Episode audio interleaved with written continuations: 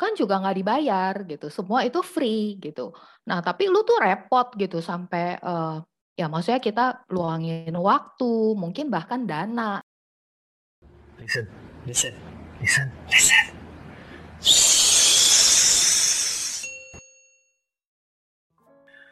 Oke guys, balik lagi bersama kita di Jurnal Voice. Jurnal Voice adalah jurnal podcast kesayangan kita. Nah, sekarang ada gua MC seperti biasa, Andrew dan ada lagi Koko satu lagi MC, boleh kok? Ada gua Paul. Kali ini kita cuma berdua doang dulu ya. Karena si Ya, dokter ini lagi berhalangan. Gak tahu ke mana. Tuh. Oke. Tapi Bro, tenang kan- aja kok, Hmm, hari ini tetap, hari ini tetap kita nggak cuma berdua aja sebenarnya. Kayak kita sebagai host cuma berdua aja. hmm. Tapi di sini kita bakal kedatangan satu yang cantik-cantik juga nih, ya Ya, kan? Nah, boleh kenalin, boleh kenalin Ci, boleh kenalin diri. Ya, selamat siang semua. Aduh, adik-adikku yang ganteng-ganteng. Aku dengan Juliana. Oke. Iya. Eh, kira-kira nih kalau ngelihat Cici kayak gini kita bakal ngebahas topiknya tentang apa ya kok? Hmm, kayaknya sih banyak yang bisa dibahas. Tapi, Banyak ya? Nah, tapi ini eh, apa hebatnya si Cici ini dia itu bergerak di organisasi kemanusiaan Indro. Hmm. Apa tuh? Nah, langsung tanya aja sama orangnya. Oh iya juga. Hmm. Ah Ci, boleh nih Ci, langsung aja. Hmm. Jadi boleh jelasin sedikit nih, apa sih organisasi kemanusiaan itu? Oh ya guys, jadi topik kita hari ini tentang organisasi kemanusiaan ya. Mm-mm. Langsung aja Ci, boleh dijawab. Tapi sebelum itu mau tanya dulu, Iya. kenapa bisa Hmm. masuk ke dunia organisasi kemanusiaan? Kenapa tuh Ci? Awalnya dulu tundru. Hmm, Oh, oke. boleh, boleh. Ya, oke. Eh, nah, ini sebenarnya aku termasuk orang yang suka cari gara-gara, suka cari kerjaan gitu. Iya. Jadi kalau misalnya orang carinya nyantai, beda dengan aku gitu. Jadi aku suka cari kerja-kerjaan yang maksudnya yang berhubungan dengan kemanusiaan gitu. Terus kalau ditanya kenapa sih gitu, banyak temenku juga yang nanya, kok lu mau sih repot-repot gitu eh, ngerjain dan itu semuanya untuk orang. Terus udahannya kan juga nggak dibayar gitu, semua itu free gitu. Nah tapi lu tuh repot gitu sampai eh, ya maksudnya kita luangin waktu, mungkin bahkan dana gitu. Ya eh, ini sih ada sebabnya ya, maksudnya aku cerita dikit ya.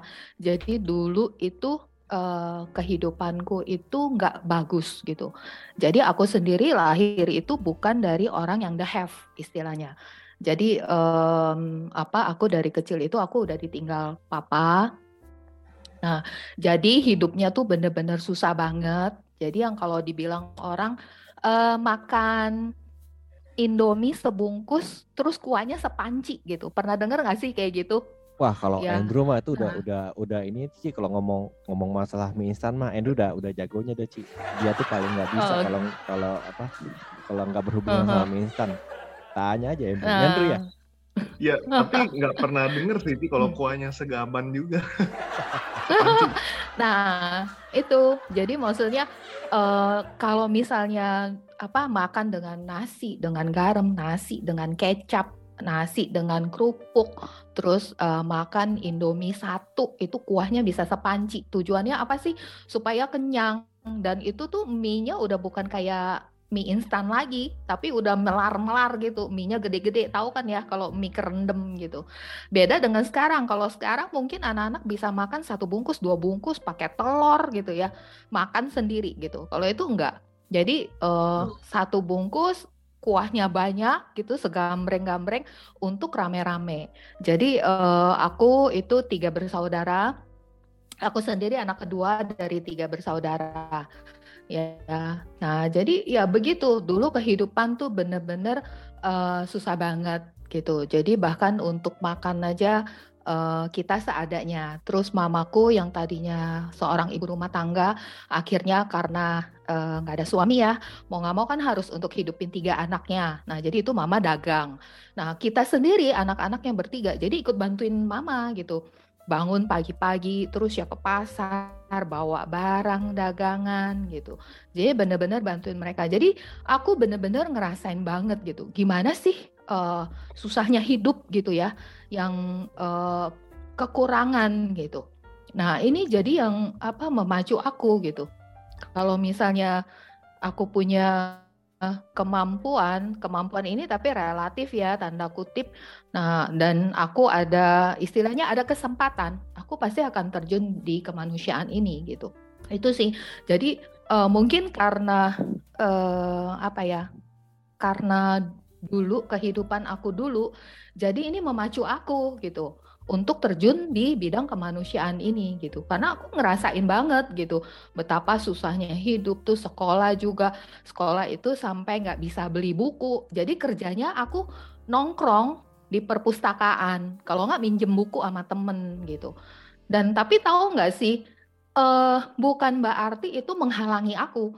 Justru aku tiap kali juara kelas loh. Oh, pinter ya. Jadi justru uh, maksudku dengan dengan kondisiku seperti itu itu nggak membuat aku tuh patah semangat gitu. Justru aku pikir ya uh, malah dulu mikirnya gini oh berarti aku harus bener-bener uh, sekolah yang bagus gitu. Karena mama dulu mesennya gini nih mama almarhum tuh pesennya uh, sekolah yang rajin ya gitu. Nanti kalau nilainya bagus, kamu cari kerjaan itu gampang gitu. Nah, aku tuh inget banget bahkan sampai sekarang aja aku inget banget gitu. Jadi bener dulu itu aku bener-bener yang istilahnya sekolah terus bantuin mama pulang gitu ya. Nah itu tapi aku masih bisa prestasi di sekolah. Bahkan ya itu buku-buku pelajaran aku nggak bisa beli tapi ya aku pinjam di perpustakaan atau pinjam dari teman gitu. Nah tapi ya uh, so far itu bagus. Sampai akhirnya tadinya pikiran nggak mau kuliah ya karena dulu aku mikirnya ya udahlah lulus SMA aja udah selesai nggak apa-apa terus nanti aku bisa langsung kerja. Karena dulu mikirnya gitu kan e, gimana caranya aku bisa buru-buru kerja menghasilkan uang jadi paling nggak e, udah nggak bebanin orang tua gitu. Nah tapi at least e, aku nilainya terbaik gitu. Akhirnya jadi guru-guruku bilang kamu sayang kalau nggak kuliah. Terus mama juga bilang maksudnya kamu harus kuliah gitu. Nah akhirnya aku kuliah dan sama kejadiannya kayak gitu. Aku nggak bisa beli buku. Tahu kan kalau buku kuliah kan tebel-tebel ya, lebih tebel deh talentan tau nggak sih? ya kan? Nah itu tuh juga nggak bisa beli. Jadi ya kerjanya tiap kali minjem temen. Jadi uh, minjem dari temenku. Lalu entah temenku bilang, Jo lu belajar nanti kalau lu udah bisa lu ajarin gue ya gitu. Nah terus yang pinter siapa? Aku. ya. Nah sampai akhirnya akhirnya aku juga bisa lulus. Nah, tapi aku juga uh, cepet kuliahnya itu cepet dan aku lulus dengan cum laude gitu. Ya, jadi aku pengen bilang maksudnya uh, jadi aku pengen bilang gitu, maksudnya uh, dengan kondisi yang terbatas itu nggak membuat kita juga jadi nggak berhasil gitu ya atau gimana gitu. Tapi justru dengan kondisi-kondisi seperti itu kita harus lebih semangat lagi kan gitu. Gimana sih caranya uh, kita keluar dari kesulitan ini? Dan aku pikirnya uh, satu-satunya uh, pendidikan itu adalah terpenting juga ya. Karena dengan pendidikan itu kita bisa mengentaskan kemiskinan gitu. Jadi makanya aku sering sharing tentang uh, kisah hidupku ini ke anak-anak karena kebetulan aku juga mentoring anak-anak asuh gitu. Uh, terus aku juga salah satu PIC panti asuhan di salah satu yayasan kemanusiaan aku. Nah, jadi aku sering sharing ke mereka, maksudnya kasih motivasi ke mereka. Uh, jangan kecil hati gitu. Maksudnya dengan kondisi begini aja aku bisa gitu. Kenapa kalian enggak gitu. Itu sih yang melatar belakangi kenapa aku bisa uh, terjun di uh, semua bidang kemanusiaan itu gitu. Tuh. Oke oke oke. Hmm. Ya, luar biasa Ci. Nah. Kalau udah ngomongin kumlot, aduh Ci, jangan ngomong gitu lah Ci. Nah, yang di sini Ci. Enggak lah, ya bisa lah itu, ya. Uh, nah terus nah, sekarang ini, ya, nah terus sekarang ini kan uh, aku itu salah satu uh, relawan komite di sebuah yayasan kemanusiaan. Uh, mungkin banyak yang udah tahu ya Yayasan Buddha Suci Indonesia. Nah, aku salah satu komitenya di situ. Aku join di Suci itu dari awal 2011. Jadi dari awal 2011 aku udah join di sana. Terus aku juga salah satu komite Dhamma Duta di Yayasan Bodhiyana Yen Indonesia. Lalu aku juga punya satu komunitas uh, bakti sosial namanya Gawe Saka Sukang. Nah itu uh, sama kita udah kemarin baru aja ulang tahun yang kelima ya itu berdirinya 8 Agustus gitu. Nah itu uh, kita punya sendiri gitu. Jadi kegiatannya itu kita belusukan. Jadi nggak nggak hanya Ahok aja ya yang belusukan gitu. Maksudnya ya kita juga bisa gitu. Jadi itu kerjanya kita belusukan ke desa-desa, ke kampung-kampung, terus kita survei, terus kita juga um, apa bagi sembako, kita punya anak asuh juga, terus kita juga bedah rumah gitu. Ya mungkin nanti satu-satu kita urain ya gitu. Iya. Hmm. Boleh, boleh, boleh. Gitu. Oke. Nah, Oke, mungkin uh, ada mau nanya dulu kali ya. ya. Okay. Rasanya pertama kali ikut organisasi kemanusiaan itu seperti apa sih, Ci? Pertama kali terjun. Uh, nah, jadi gini, yang pertama kali sebenarnya kalau untuk kegiatan sosial, aku tuh udah lama banget. Dulu waktu di kantor aku, aku juga uh, sering ngadain uh, kunjungan gitu ya, maksudnya sosial juga gitu ke panti asuhan, ke panti jompo. Terus juga misalnya kalau ada bencana gitu kita bantu, itu juga uh, udah lama gitu ya. Nah, terus tapi untuk uh, jalinan jodoh dengan Yayasan Buddha Secinya ini, aku sebenarnya tuh uh, taunya malah dari Tak TV. Jadi waktu itu kan sering uh, setel ya Tak TV ya. Nah, itu aku tuh ngelihat mereka itu, ngelihat relawan itu tuh, aduh, kok kayaknya uh, hidupnya bener-bener bermakna banget ya gitu. Maksudnya bisa bantu orang gitu ya, uh, bisa terjun ke masyarakat. Kok kayaknya seneng banget ngelihat mereka. Jadi akhirnya aku mikirnya, wah, uh, nah aku kan uh, ini ya tipenya yang tipe pekerja gitu karena dari aku lulus sekolah aku tuh udah bekerja gitu. Nah, akhirnya aku mikirnya, wah nanti kalau misalnya aku pensiun, aku udah tahu nih aku harus ke mana, aku harus ngerjain apa gitu. Karena kan uh, harus ada pekerjaan gitu ya. Hmm. Nah, terus sampai uh, akhirnya jalinan jodohnya itu taunya tuh pada saat uh, salah salah seorang saudaraku itu dia lagi training, training di Jakarta. Dia tinggalnya di tebing tinggi, terus dia training di Jakarta. Nah, terus aku jemput dia kan karena mau nginep di rumah. Nah, pada saat jemput itu aku tahu, oh ternyata ada seci gitu. Hmm. Nah, dari situ tuh aku udah tahu, oh ternyata seci ada ya di Cengkareng. Aku dulu awalnya kan di Cengkareng ya. Hmm. Nah, aku tahu ada seci di situ. Nah, berikutnya begitu dia pulang, balik, nah aku tuh datang lagi ke tempat itu karena aku tahu, oh ternyata seci tuh di sini gitu biasanya kan aku cuma hanya sebatas nonton doang kan. Nah, terus akhirnya aku datengin lagi. Nah, kebetulan ada kegiatan. Nah, dari situlah aku mulai kegiatan gitu. Ya kalau awal-awalnya sih aku mikirnya uh, ya karena aku memang udah niat banget gitu ya mau terjun gitu uh, di kemanusiaan, mau bantu, mau kasih perhatian gitu ya. Terus bisa uh, apa ya? ngelihatnya tuh enak banget lah gitu ya bisa uh, caring ke orang gitu kan kalau misalnya orang kesusahan gitu terus kita bisa kasih perhatian ke mereka terus mereka bisa senyum itu kan kayaknya seneng banget ya gitu nah udah dari sejak aku datang itu ya udah terus deh tuh lanjut gitu nah apalagi di Seci itu kan kegiatannya banyak Uh, maksudnya Seci itu kan uh, mungkin aku bahas dikit ya. Seci itu kan adalah yayasan kemanusiaan yang dia benar-benar bersifat universal. Jadi uh, didirikannya uh, oleh Master Cheng Yen itu dia uh, pusatnya itu adalah di Taiwan ya. Nah, tapi di Indonesia sendiri itu Seci berdiri itu dari tahun 1994. Jadi udah lama juga gitu Seci Indonesia itu berdiri gitu. Nah, uh, aku senangnya itu apa ya? Karena di yayasan ini kita tuh nggak memandang yang namanya sara itu nggak ada lah istilahnya. Nggak pernah kita membahas oh agama lu apa? Oh gue orang apa? gitu. Suku apa? Itu nggak pernah ada gitu.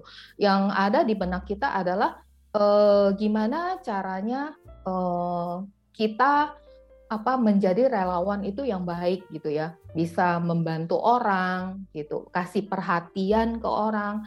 Nah itu sih gitu nah Seci sendiri itu dia punya banyak misi ya dia ada delapan misi nah itu dia uh, yang pertama itu ada misi amal terus ada misi kesehatan terus misi pendidikan terus budaya humanis Terus juga ada bantuan bencana, donor, pelestarian lingkungan. Terus kita juga punya yang namanya relawan komunitas gitu.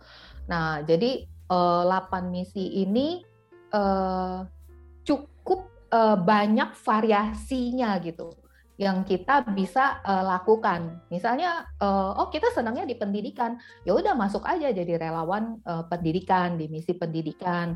Atau misalnya kita senang nih dengan amal gitu ya, dengan bakti sosial atau apa, ya masuk ke amal gitu.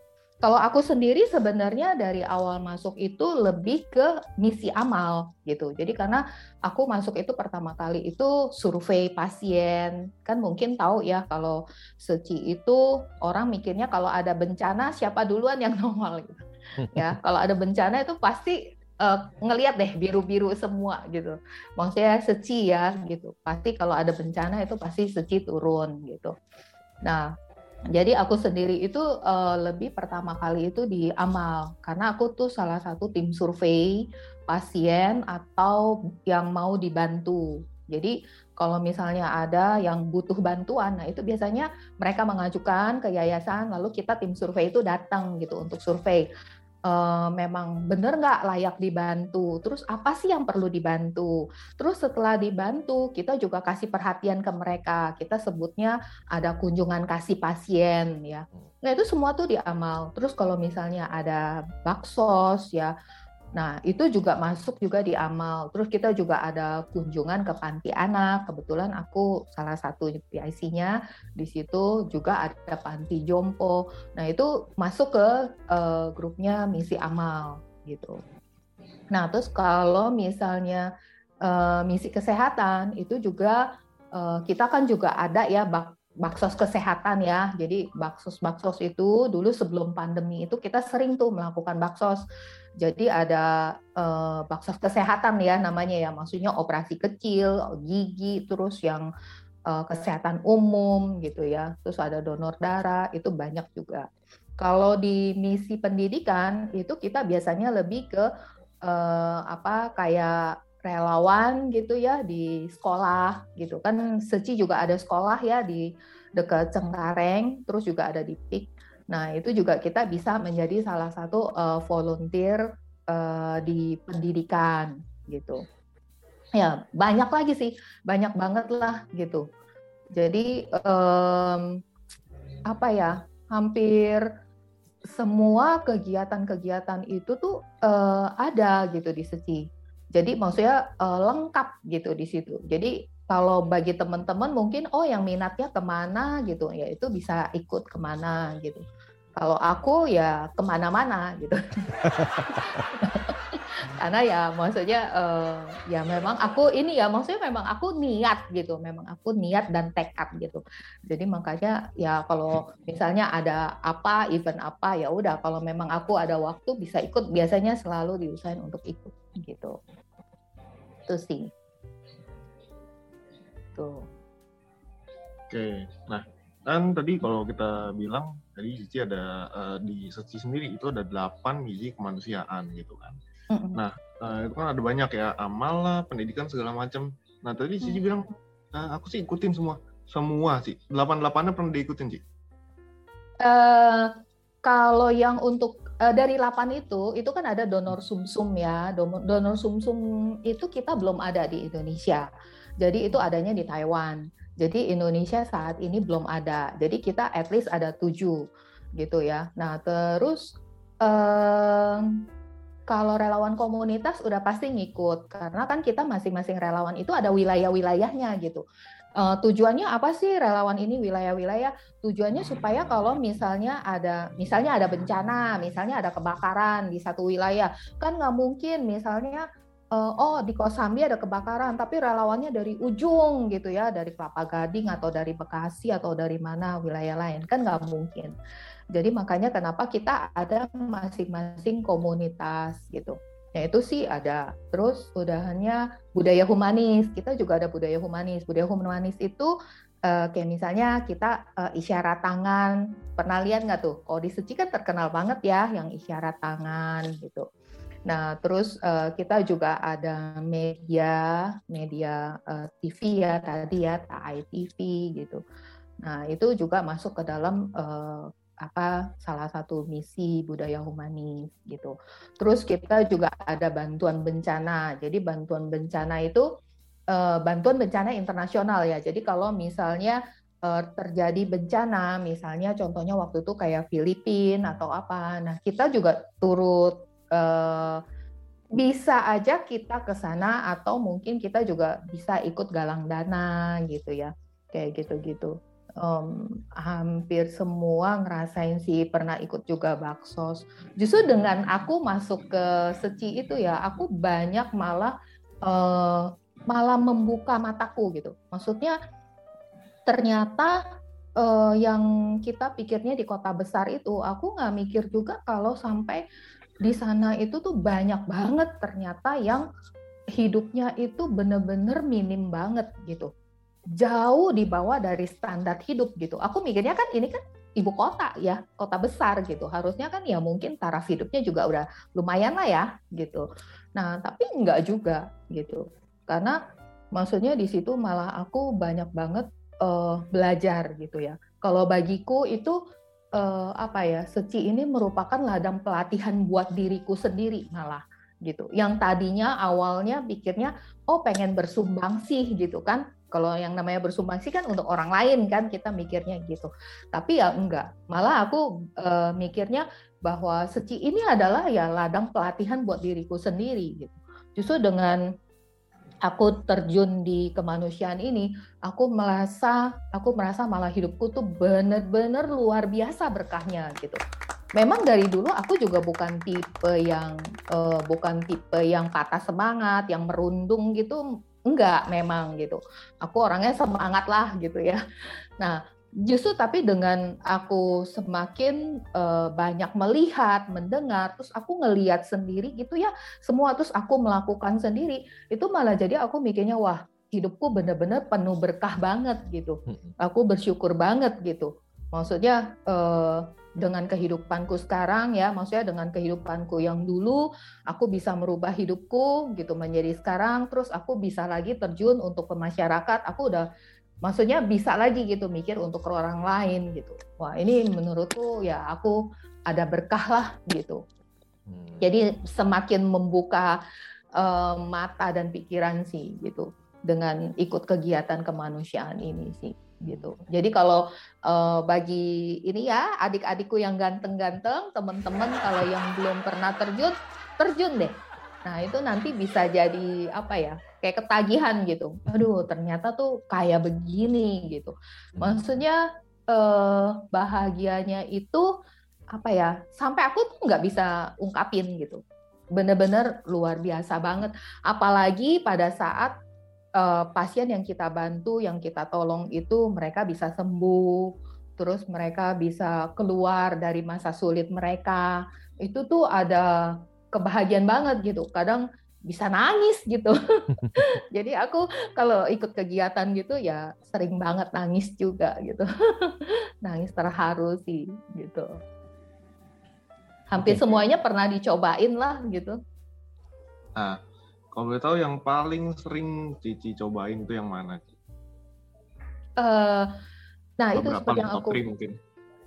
Oh, seperti yang aku bilang, aku memang kan dari awalnya itu lebih di amal jadi sampai sekarang pun juga aku lebih sering uh, ikut kegiatan yang amal karena kan kegiatannya begitu banyak, misi-misinya banyak.